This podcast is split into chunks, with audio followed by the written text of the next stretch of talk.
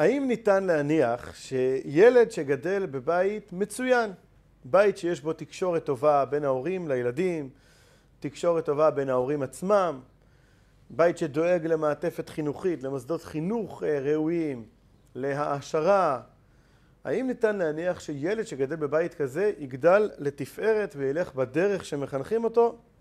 כן. נכון שאין מאה אחוז, יש אה, מקרים שילד אה, מקבל את כל התנאים ובכל זאת בוחר לסטות מהדרך שמחנכים אותו, לנשור, ללכת לכיוונים אחרים, למרוד, אבל בדרך כלל ההסתברות היא שילד שגדל בבית טוב גם יגדל אה, בצורה ראויה. כשזה לא קורה, כשילד חלילה סוטה מהדרך, נושר, אז מעבר לעוגמת הנפש שיש להורים, ללא ספק יש גם הרבה תחושות של אה, אכזבה עצמית, האשמה עצמית, קודם כל של ההורים עצמם, ולעיתים בצורה לא ראויה גם של הסביבה ששופטת את ההורים ואומרת שאם הילד או הילדים גדלו לא כמו שצריך, זה בטח באשמת ההורים שלא חינכו אותם, לא גידלו אותם כמו שצריך.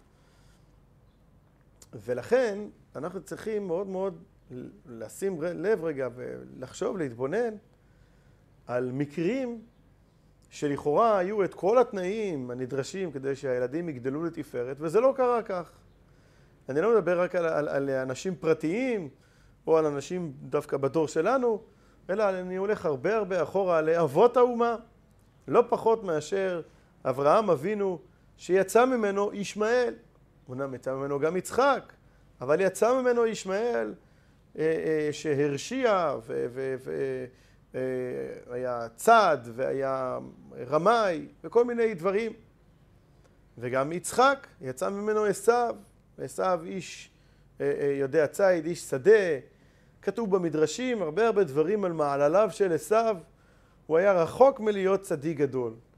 ושני הילדים האלה גדלו בבתים הכי הכי טובים שיכולים להיות, אברהם ושרה, בית של הכנסת אורחים, בית של אמונה באלוקים, בית של אהבת, של אהבת כל אדם, בית של מסירות נפש.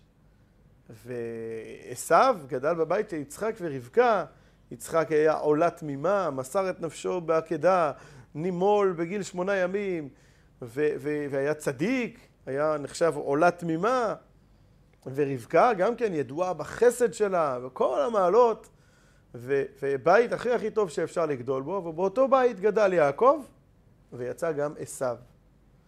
איך אנחנו מסבירים את הדבר הזה? בנוסף, ספציפית בנוגע לעשו, אז כתוב משהו במדרש, בילקוט שמעוני, כתוב על הפסוק ויגדלו הנערים, כן, שנאמר בפרשת תולדות על יעקב ועשו, ויגדלו הנערים, ויהי יעקב איש תם יושב אוהלים, ועשו איש ציד, איש יודע ציד איש שדה, ויעקב איש תם יושב אוהלים. אז אומר המדרש, מה זה ויגדלו הנערים? ששניהם עלו לגדולה, שניהם בהתחלה, בתחילת הדרך, היו נהדרים, פנטסטיים, צדיקים. אלא שאחר כך עשיו קלקל במעשיו. כך גם בזוהר נאמר שבעצם אה, אה, יעקב ועשיו גדלו בצילו של הסבא הצדיק אברהם, שגידל אותם למצוות, למעשים טובים, ואחר כך רק, מאוחר יותר עשיו הרשיע, עשיו קלקל במעשיו. אז שוב, אנחנו רואים מקרה של, של ילד שגדל בבית הכי טוב וגם התחיל את החיים בצורה נהדרת, בשלב מסוים משהו שם התפקשש. אבל במקרה של עשיו, לכאורה יש כאן איזושהי סתירה, יש כאן איזה משהו שצריך לברר מבחינת הנסיבות. מצד אחד, אנחנו אמרנו עכשיו את מה שכתוב במדרש או בזוהר, שבתחילת דרכו עשיו היה ויגדלו הנערים גדולה רוחנית. מצד שני, אנחנו מכירים את המדרש שמספר על הפסוק ויתרוצצו הבנים בקרבה כאשר אה, רבקה הרתה את, אה, את אה, יעקב ועשיו והייתה בהיריון, אז על הפסוק ויתרוצצו הבנים בקרבה, ותאמר אם כן למה זה אנוכי ותלך לדרוש את אלוקים, אז אומרים חז"ל שכשהייתה עוברת על יד בתי עבודה זרה, אז עשיו היה ככה אה, מנסה לצאת, היה נמשך לזה. כשהייתה עוברת על יד בית, מדר... בית מדרש של שם ועבר, אז יעקב רצה לצאת, כלומר עוד במעי אימם אז כבר עשיו נמשך לכיוונים האלה של עבודה זרה, אחר כך אה, היה לזה ביטויים נוספים של אה, גזל ורציחה, כל מיני דברים נוראים. ויעקב, האיש תם יושב אוהלים, עוד בהיותו במי אימו נמשך אל האוהלים, אוהלי התורה, אוהלי שם ועבר. אז איך זה מסתדר עם מה שאמרנו, שבתחילת הדרך אה, גם עשיו גדל לתפארת. אז קודם כל, איך באמת נפלו גיבורים, ואיך זה שכמו אברהם יצא ממנו ישמעאל ויצחק יצא ממנו עשיו, וגם בנוגע לעשו עצמו, מה קורה כאן? האם הוא באמת בתחילת דרכו היה צדיק, או כבר בהיריון הוא נמשך לעבודה זרה, ואם כן, איך הוא בדיוק נמשך לעבודה זרה? ממי? מיצחק? מרבקה? זאת אומרת, זה כבר משהו, אה, אה, עוד לפני שהוא בכלל בן אדם, עוד בהיריון, זה משהו כאילו גנטי. איך זה יכול להיות שמיצחק ורבקה יצא עובר כזה שנמשך לצאת לעבודה זרה? מה, מה קורה כאן? בנוסף, באותו פסוק של ויגדלו הנערים, שעליו אומר המדרש שהם גלו לגדולה רוחנית, כתוב, כתוב מיד אחר כך שעשו, ויהי עשו איש יודע ציד איש שדה, וזה מובא בהקשר שלילי, צד את הבריות, מרמה אותם, אז זאת אומרת שבפסוק הזה עצמו אנחנו רואים שעשו, חלק מהגדולה שלו זה גדולה שלילית. אז אה, אה, איך זה מסתדר עם ויגדלו הנערים? כדי להבין את זה, אנחנו צריכים להקדים שאלה נוספת. אחרי שכבר עשיו גדל ונהיה מי שהוא נהיה ויצא לתרבות רעה, זה היה דבר ידוע, זה היה דבר מפורסם. איך זה, וכל פעם כשלומדים את הפרשות האלה זה, זה חוזר, איך זה שהתורה אומרת לנו שיצחק, שרבקה אוהבת את יעקב, ויצחק אוהב את עשיו, ויאהב יצחק את עשיו כי ציד בפיו, ורבקה אוהבת את יעקב. מה, זה נימוק שיצחק יאהב את עשיו כי ציד בפיו, זה מה שמעניין את יצחק, ציד בפיו. אחר כך אנחנו נראה שלפני מותו של יצחק, היה את כל הסיפור עם הברכות שיעקב בעצת אמו רבקה גנב את הברכות מעשיו ויש גם אה, מקום לדבר על זה, אבל קודם כל מצד יצחק, למה יצחק רצה לברך את עשיו? יצחק יודע שעשיו כבר בשלב הזה הוא כבר גדל, קלקל במעשיו, מעשיו היו ידועים, אז מה יצחק רוצה דווקא להעביר כאילו את כל השפע שלו, את כל העתיד שלו, להעביר את זה דווקא לעשו, עשו הרשע ולא ליעקב הצדיק? מה קורה כאן? מה הסיפור בדיוק של עשו? ברמב"ם, בשמונה הפרקים, בביאור שלו, הוא מדבר על שני סוגי אנשים. יש אחד שהוא נקרא אה, אה, החסיד המעולה, זה שאין לו בכלל אה, שום תאוות, אין לו שום ניסיונות, ויש את הכובש את יצרו. כלומר, קטגורית יש שני סוגי ילדים, שני סוגי אנשים. יש אחד שהוא מה שאנחנו מכנים היום בסלנג שלנו, ילד טוב ירושלים. מההתחלה הכל הולך, הולך כמו שצריך, הכל הולך במישרים, הכל, הכל דבש. זה ילד שהוא צייתן, והוא נעים הליכות, ובבית הספר הוא מקובל בחברה, והוא לא מרדן, הוא לא נמשך ל- ל- ל- לדברים ש- שליליים. פשוט הולך בתלם, פשוט ברכה ונחת, כל הורים אה, אה, אה, משתוקקים לכזה ילד שעושה נחת, ילד טוב ירושלים, הכל דבש והכל הולך כמו שצריך, בלי שום חיכוכים, בלי שום מהמורות. זה הרמב"ם מגדיר, מכנה, החסיד המעולה. שאין שם בעיות, אין שם עניין של אתגר, של התמודדות. לעומתו, קטגורית, יש סוג אחר לגמרי, וזה הכובש את יצרו. זה מישהו שהוא מצד עצמו, הוא ממש לא ילד טוב ירושלים, הוא אולי ב- ב- ב- בהמשך לזה אפשר להגיד ילד מאותגר תל אביב, כן?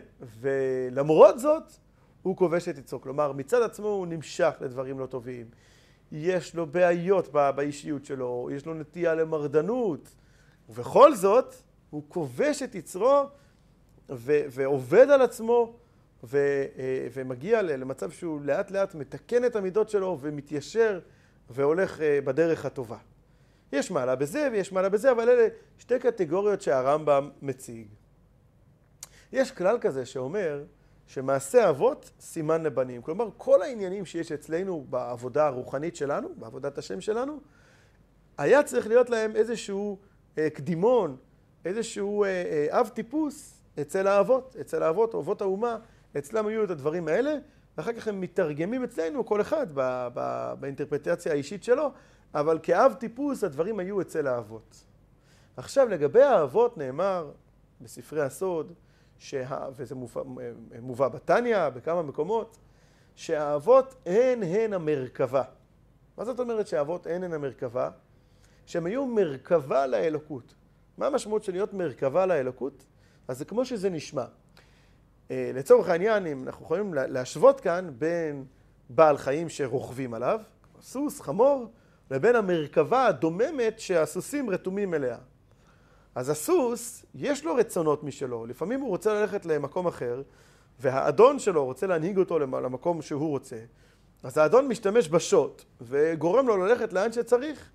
כלומר, לסוס יש רצונות משלו, הוא נאלץ לכופף אותם אל נוכח השוט של האדונו.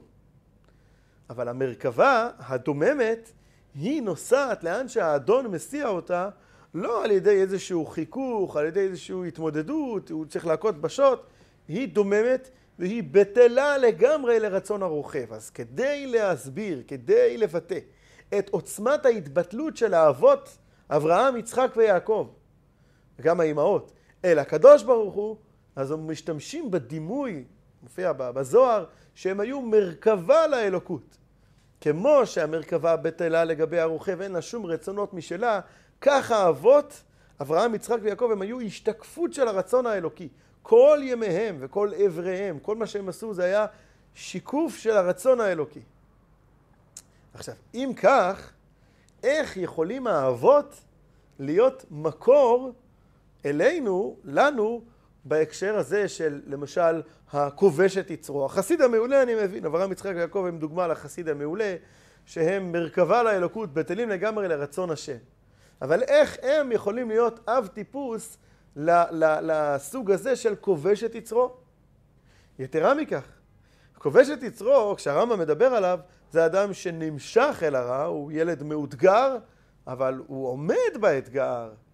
יש לנו, אנחנו יודעים שיש עוד מימד, מימד של תשובה. מה זה תשובה? תשובה זה אחרי שהעסק הלך כבר למקום לגמרי לגמרי לא טוב, אחרי שזה התפקשש בפועל, לא רק ברצון, בנטייה, אלא הייתה, ממש היה חטא, למרות זאת יש תשובה, והמעלה של התשובה היא מעלה גדולה.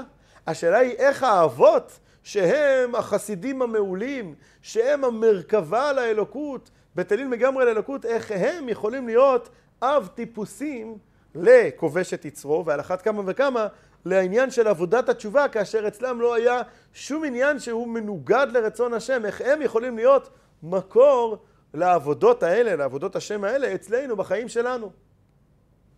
והתשובה היא שיש משהו שעומד, יש איזשהו אלמנט נפשי שעומד מאחורי הכובש את יצרו, ומאחורי היכולת לשוב, לעשות תשובה ולשוב אל השם. האלמנט שעומד שם מאחורי זה ההתקשרות הטוטלית לקדוש ברוך הוא שעומדת בכל נסיבות, בכל מבחנים.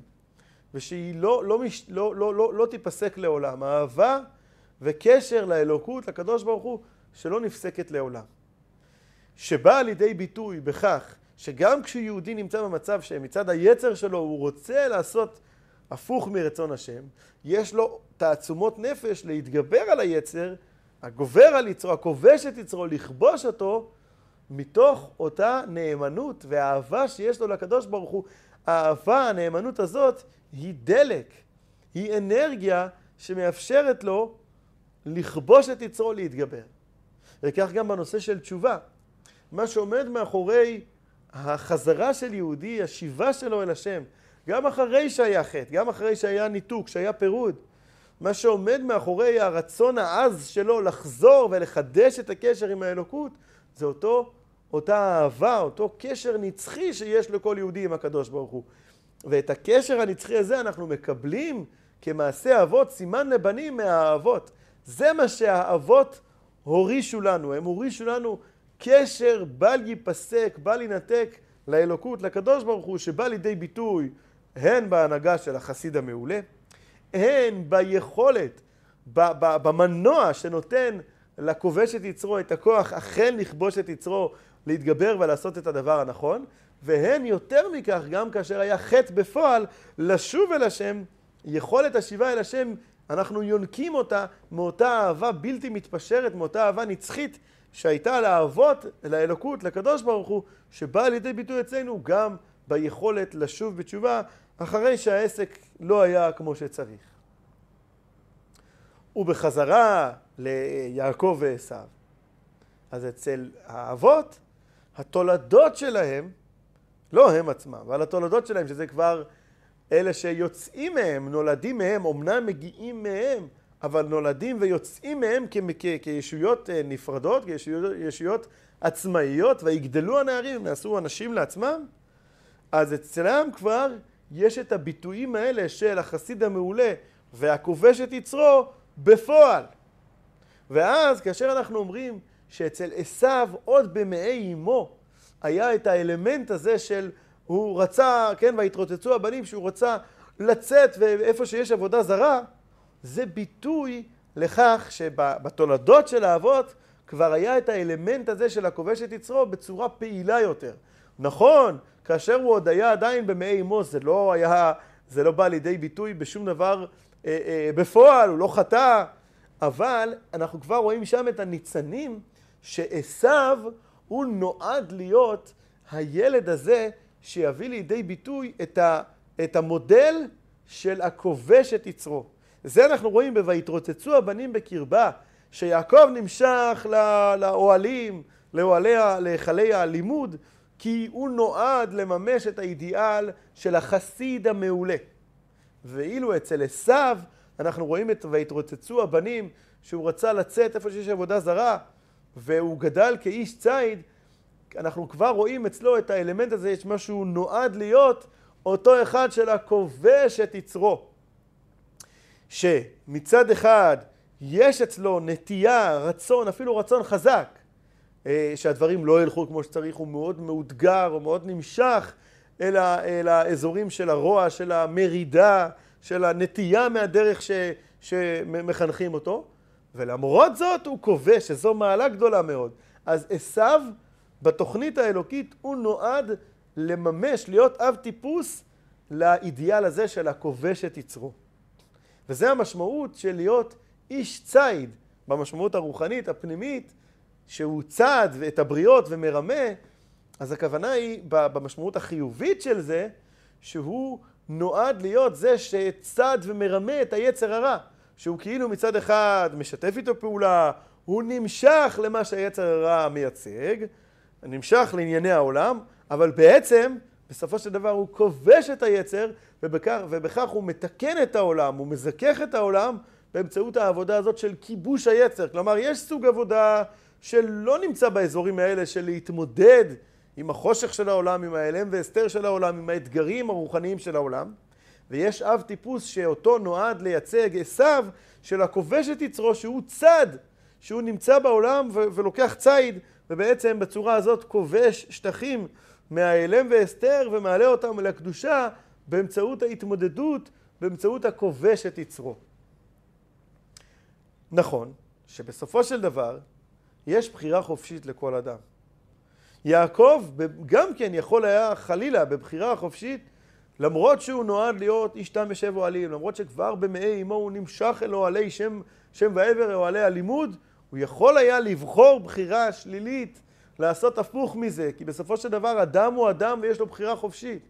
ולכן יעקב מקבל, קיבל שכר ושבח על זה שהוא בחר לממש את האידיאל החיובי שלו של איש תם יושב אוהלים. גם עשיו היה אמור ויכול היה, היה לו את היכולת לממש את האידיאל של הכובש את יצרו.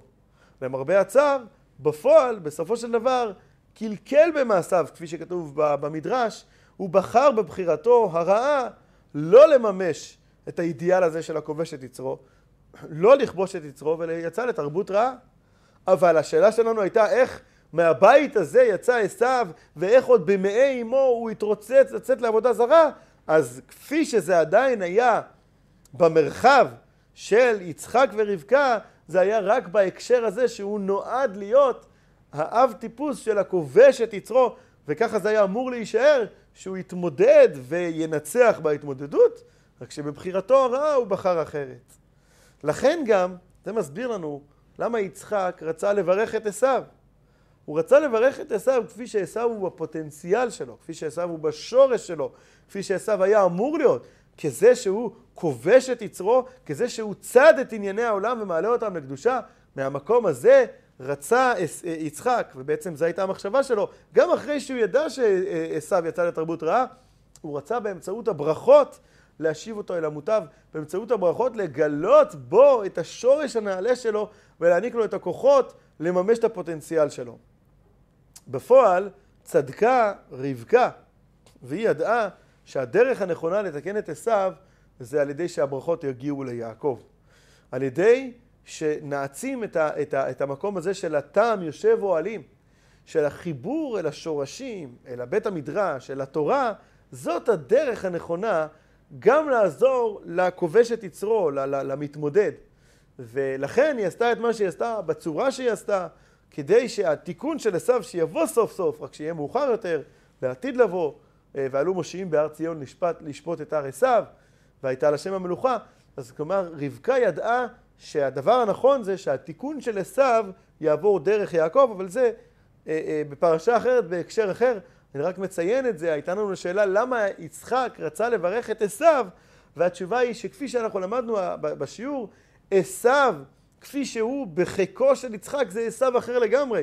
זה עשיו שכל המעורבות, כל הקשר שלו אל הרע, הוא רק בהקשר של הכובש את יצרו, של היכולת, של פוטנציאל גדול של לקחת שטחים מהכביכול מה, מה, נטייה לרע ולהביא אותם אל תחום הקדושה, להעלות ולזכך את ענייני העולם. כך עשיו נמצא בחיקו של יצחק, ומהמקום הזה רצה יצחק לברך אותו. עד כאן בנוגע לאבות, בנוגע לעשיו ויעקב.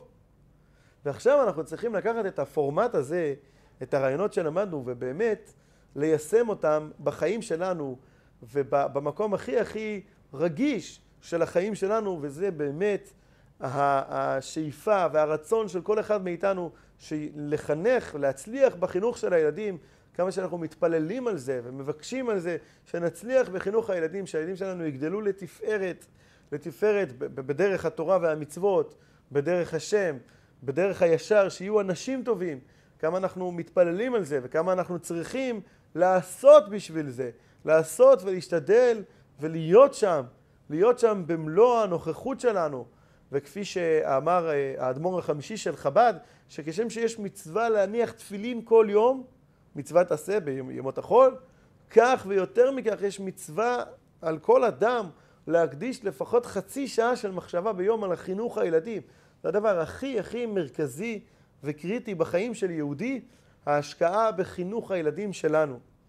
וכאן אנחנו צריכים להיות מודעים לכך שיש שני מודלים, שהקדוש ברוך הוא מלכתחילה מתכנן שלא כל הילדים יהיו אותו דבר, ובאופן קטגורי מאוד מאוד מאוד מאוד כללי, יש שני כיוונים. יש באמת ילדים כאלה ש, ש, שאפשר להגיד עליהם שהם ילד טוב ירושלים. ילדים שברוך השם, תודה, תודה לקהל, זה הדברים באופן כללי, כן? כל אחד יש אה, עליות וירידות, אבל באופן כללי הכל הולך חלק, הכל הולך בסדר, הם מסתדרים בבית, בבית הספר, הם מסתדרים בלימודים, טוב להם, טוב להם חברתית, הכל הולך דבש, הכל נופת צופים, איזה יופי. ילד כזה צריך להעצים את הטוב שבו, ובאמת אה, אה, אה, לתת לו את המרחבים, להביא לידי ביטוי את הפוטנציאל הגדול הזה, ולקחת את תנאי הפתיחה הנהדרים האלה, שהם יהיו רק, רק פתיחה לעומת מה שהוא עוד יכול להגיע, ולעזור לו ולהעצים אותו לממש את הפוטנציאל שלו. אבל יש גם את הקטגוריה השנייה. והקטגוריה השנייה היא לא פחות טובה. היא לא פחות טובה, זה שתי קטגוריות, זה שתי שליחויות שונות שהקדוש ברוך הוא נותן, יש נשמות שהוא נותן להם שליחות כזאת, ויש נשמות שהוא נותן להם שליחות כזאת. ובמובן מסוים אנחנו צריכים להיות שם, אנחנו כהורים צריכים להיות הרבה הרבה יותר בא, עם אותו, עם הקטגוריה השנייה של הכובש את יצרו, להיות שם ולהעניק את הכלים ואת המעטפת ואת היכולת לכובש את יצרו, אכן לכבוש את יצרו. ידוע מה ש... סיפור ידוע שמספרים על, על הממציא הגדול, תומאס אדיסון, כן, סיפור מאוד מפורסם, שהוא מאוד מאוד לא הסתדר בלימודים, ויום אחד שלחו איתו פתק מבית הספר, ואימא שלו קראה את, ה... קרא את הפתק, הוא, כך אומרים, באותו שלב אפילו לא ידע, לא ידע לקרוא, ואימא שלו קראה את הפתק, ומאוד מאוד אה, אה, בכתה, כאילו הייתה נסערת, ואז תומאס שאל אותה, מה כתוב שם? אז היא אמרה לו, שכתוב כאן שהבן שלך הוא גאון וחכם, מדי חכם, מדי גאון לבית הספר, ולכן הוא לא יכול להמשיך יותר בבית ספר שלנו, אין לנו מה לעשות איתו כאן. ככה אה, אה, קרא, היא קראה בשבילו את המכתב, והיא באמת המשיכה לחנך אותו בעצמה, שכרה לו מורים, חינכה אותו בבית, והוא גדל למה שהוא גדל, וכל החיים ליווה אותו המילים המעצימות האלה שאימא שלו אמרה לו, שהוא חכם וגאון מדי, וזה אה, העצים אותו ונתן לו כוחות, והוא הפך למה שהוא הפך. לימים, אחרי הפטירה של אימא שלו, הוא באיזשהו חיפוש של דברים, גילה את הפתק הזה. והוא קורא, הוא פותח את הפתק והוא קורא, ששם כתוב, הילד שלך חוצפן ו- ו- וטיפש או משהו כזה, אין מקומו בבית הספר, הוא מסולק מבית הספר. ובהחלטה של, של האימא המופלאה הזאת, כן, אני לא בטוח אם הסיפור הזה, לא, לא יודע מה המקור שלו, בכל אופן הרעיון שלו בוודאי נכון, אבל בהחלטה של האימא הזאת, היא לקחה את הילד המאותגר הזה, הילד שאמור להיות כובש את יצרו, והיא באמת העניקה לו, העניקה לו את הכלים ואת הדרייב ואת המניע להיות כובש את יצרו. כתוב בפרקי אבות שהווי דן את כל האדם לכף זכות. וגם כתוב שאל תדין את חברך עד שתגיע למקומו. מסביר על זה בעל התניא, מה זאת אומרת אל תדין את חברך עד שתגיע למקומו? אז כי, כי הרבה פעמים המקום של האדם גורם לו לחטוא, הנסיבות חייו. הוא נותן שם דוגמה שיש בן אדם שההשגחה העליונה כיוונה אותו שהחיים שלו הם בסביבה רוחנית מוגנת ועטופה ונהדרת. ויש מישהו שפרנסתו להיות, אה, ללכת בשוק כל היום והעין רואה והלב חומד, אז אל תדון אותו עד שתגיע למקומו, מקומו גרם לו לחטוא. כך הוא אומר. אבל יש דרגה גבוהה מאשר רק לא לדון אדם עד שאתה נמצא במקומו, והיא לדון אדם לכף זכות. את מי צריך לדון? בעצם זה שאנחנו אומרים שצריך לדון, מדובר על בן אדם שמפשל. רק אתה יכול לקחת את הפשלה שלו, את האתגר, את החטא, ולדון אותו לכף חובה. ואומרים לנו, אומרים לנו חז"ל, תדון אותו לכף זכות. מה זאת אומרת תדון לכף זכות? אז על זה מסביר הרבי הסבר נפלא, מה זה לדון לכף זכות. הרי אמרנו שאתה קודם כל לא דן אותו עד שתגיע למקומו. אבל בוא נמשיך עם החישוב הזה. הרי כל דבר בעולם הוא בהשגחה פרטית. הכל מכוון, הקדוש ברוך הוא שולח כל אחד לאיפה שהוא צריך. תעשה בעצמך רגע חושבים, למה? למה אותו אחד שהוא כרגע חוטא, כרגע הוא נכשל, למה הוא נמצא שם בשוק? לא משנה, המילה שוק זה סמל, אבל זה, זה, זה, זה מסמל אה, אה, סביבה רוחנית מאתגרת. למה הוא נמצא בסביבה רוחנית מאתגרת, ואתה נמצא בסביבה רוחנית מוגנת ושמורה, ולכן אל תדון אותו עד שתגיע למקומו, כי הוא במקום מאתגר ואתה במקום קל. תחשוב רגע, למה זה באמת ככה? למה, למה עשה הקדוש ברוך הוא שהוא שם ואתה כאן? ההיגיון אומר, ההיגיון ש, שמיוסד על, על התפיסה שהקדוש ברוך הוא לא נותן לאדם ניסיון שהוא לא יכול לעמוד בו, וכגודל הניסיון כך גודל הכוחות, אז ההיגיון אומר שמי שנמצא בחזית זה בגלל שיש לו כוחות להיות בחזית. ומי שנשאר בעורף, מי שהקדוש ברוך הוא מזמן לו שהוא נמצא בעורף, זה בגלל שאילו הוא היה בחזית לא היה לו סיכוי. אז כן, אותו אדם שאתה מסתכל עליו עכשיו שהוא חוטא, אתה יכול להשקיע את המבט שלך בזה שהוא חוטא. אבל שים לב רגע לעצם הנסיבות. למה הוא הוצב במקום רוחני מאתגר? אתה יודע למה? כי יש לו כוחות נעלים. יש לו כוחות נעלים, לכן הוא נמצא שם. ואתה נמצא במקום לא מאתגר, בגלל שאלה הכוחות שלך, זה מה שאתה מסוגל. ולכן לדון לכף זכות זה לא רק לא לדון לכף חובה, אלא זה להתייחס, להסתכל לאדם שכרגע הוא במצב שהוא חוטא, ולראות בזה לא את החטא, אלא את הפוטנציאל שלו לא לחטוא גם במקום קשה. עוד הפעם, במקום לראות אדם חוטא, לראות אדם שנמצא בסביבה מאתגרת ויש לו את היכולת לא לחטוא. זה מה שצריך להסתכל על אדם, ש... כך צריך להסתכל על אדם שחוטא, שאתה רואה אותו עכשיו שהוא מתנהג לא בסדר, תסתכל עליו שהוא נמצא במקום ובנסיבות חיים מאתגרות, כי יש לו את הפוטנציאל, יש לו את הכוח לעמוד בנסיבות חיים מאתגרות. וכאשר אנחנו מתמקדים בזה, אז אנחנו אכן מממשים אצלו, עוזרים לו לממש, אם אנחנו אה, אה, מתמקדים בזה ואפילו מדברים על זה, לדיבור יש כוח גדול מאוד, הדיבור יוצר מציאות, הדיבור מממש פוטנציאל, כאשר אנחנו מתמקדים באופן שאנחנו יכולים באמת לעזור, לפנות לאותו אדם, כאשר אנחנו מתמקדים בפוטנציאל הגדול שיש לאותו אדם שנמצא בסביבה מאתגרת, אנחנו בעצם בזה עצמו מעניקים לו כוח לממש את היכולת שגלומה בו להתגבר גם על סביבה רוחנית מאתגרת.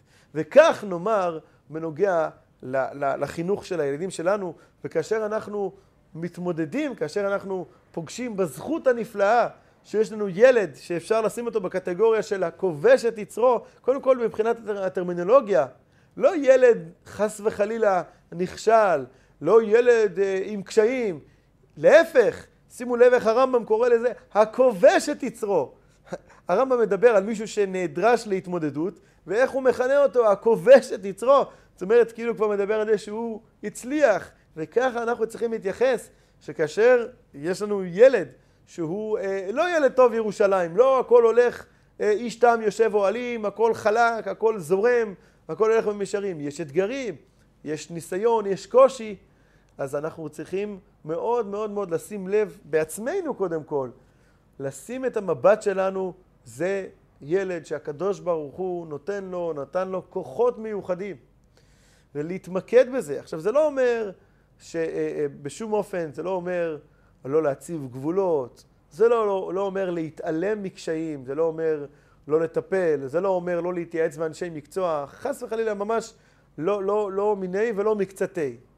אבל קודם כל, היחס הראשוני, העמדה הבסיסית כלפי ילד ש, שיש לו אתגר, זה בראש שלנו, זה ילד שאני מכנה אותו הכובש את יצרו. הוא נועד, הוא נועד לכבוש את יצרו. ואני פה בשביל לתת לו את כל הביטחון, את כל הפרגון, את כל האנרגיה, את כל החום והאהבה שהוא ילך ויהיה איש יודע ציד, איש שדה, כן, שיצא החוצה ויכבוש את יצרו ויכבוש שטחים ויגיע ויגשים. כי הרבה פעמים דווקא הילדים שהם ילד לא ילד טוב בירושלים, אלא ילד אתגר תל אביב, הם הילדים שבעזרת השם, באמת, בתפילות ובעזרה שלנו, בדחיפה שלנו, מגיעים בסופו של דבר רחוק רחוק ומוצלח מוצלח, דווקא בגלל התכונות האלה של הכיבוש, של היכולת שלהם להיות הכובש את יצרו. זה השיעור שלנו מיעקב ועשו האמורים בפרשה.